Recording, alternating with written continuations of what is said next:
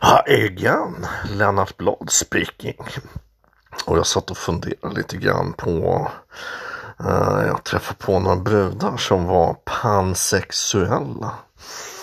Och då funderade jag på vad det kunde betyda. Jag kom fram till att det kunde betyda pannkakssexuell.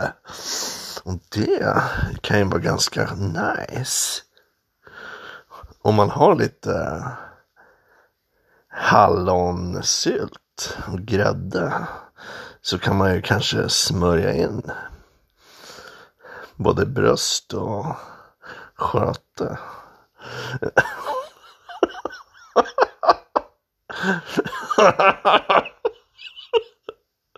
och har det ganska härligt.